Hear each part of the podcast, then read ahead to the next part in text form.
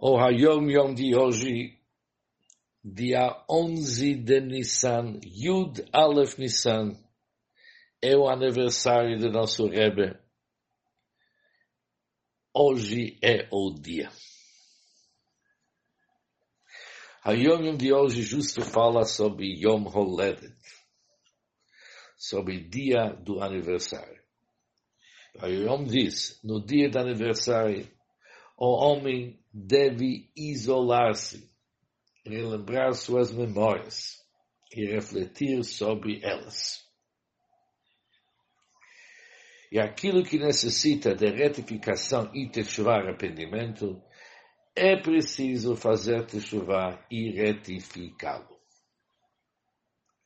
Se analisamos bem, no dia do aniversário são três assuntos. O homem deve isolar-se, relembrar suas memórias e refletir sobre elas. Em seguida, aquilo que necessita de retificação e de chuva é preciso fazer chuva e retificar.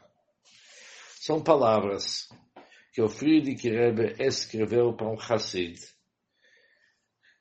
que o Rebbe fala para ele, eu recebi tua carta no dia do meu aniversário, é o aniversário do de Rebbe.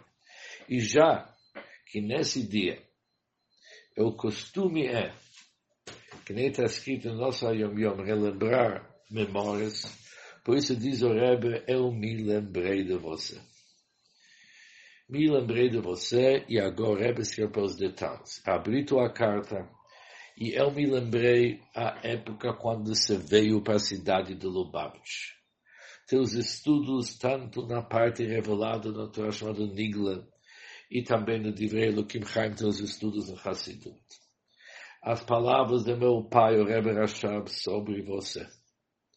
Suas esperanças, ele teve o teu futuro, você vai se dedicar para fortalecer os caminhos do Hassidut, conforme a exigência e esperança que meu pai teve sobre os primeiros Temimim, aqueles que estudaram no Tomchet Mimim.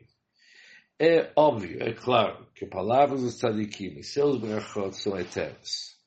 Deus fortalece a tua saúde para você realmente poder realizar a kavaná, a intenção da Hashem, a verdadeira intenção de Deus, e assim vai ficar bom para você, tanto materialmente como também espiritualmente. Um bom dia para todos.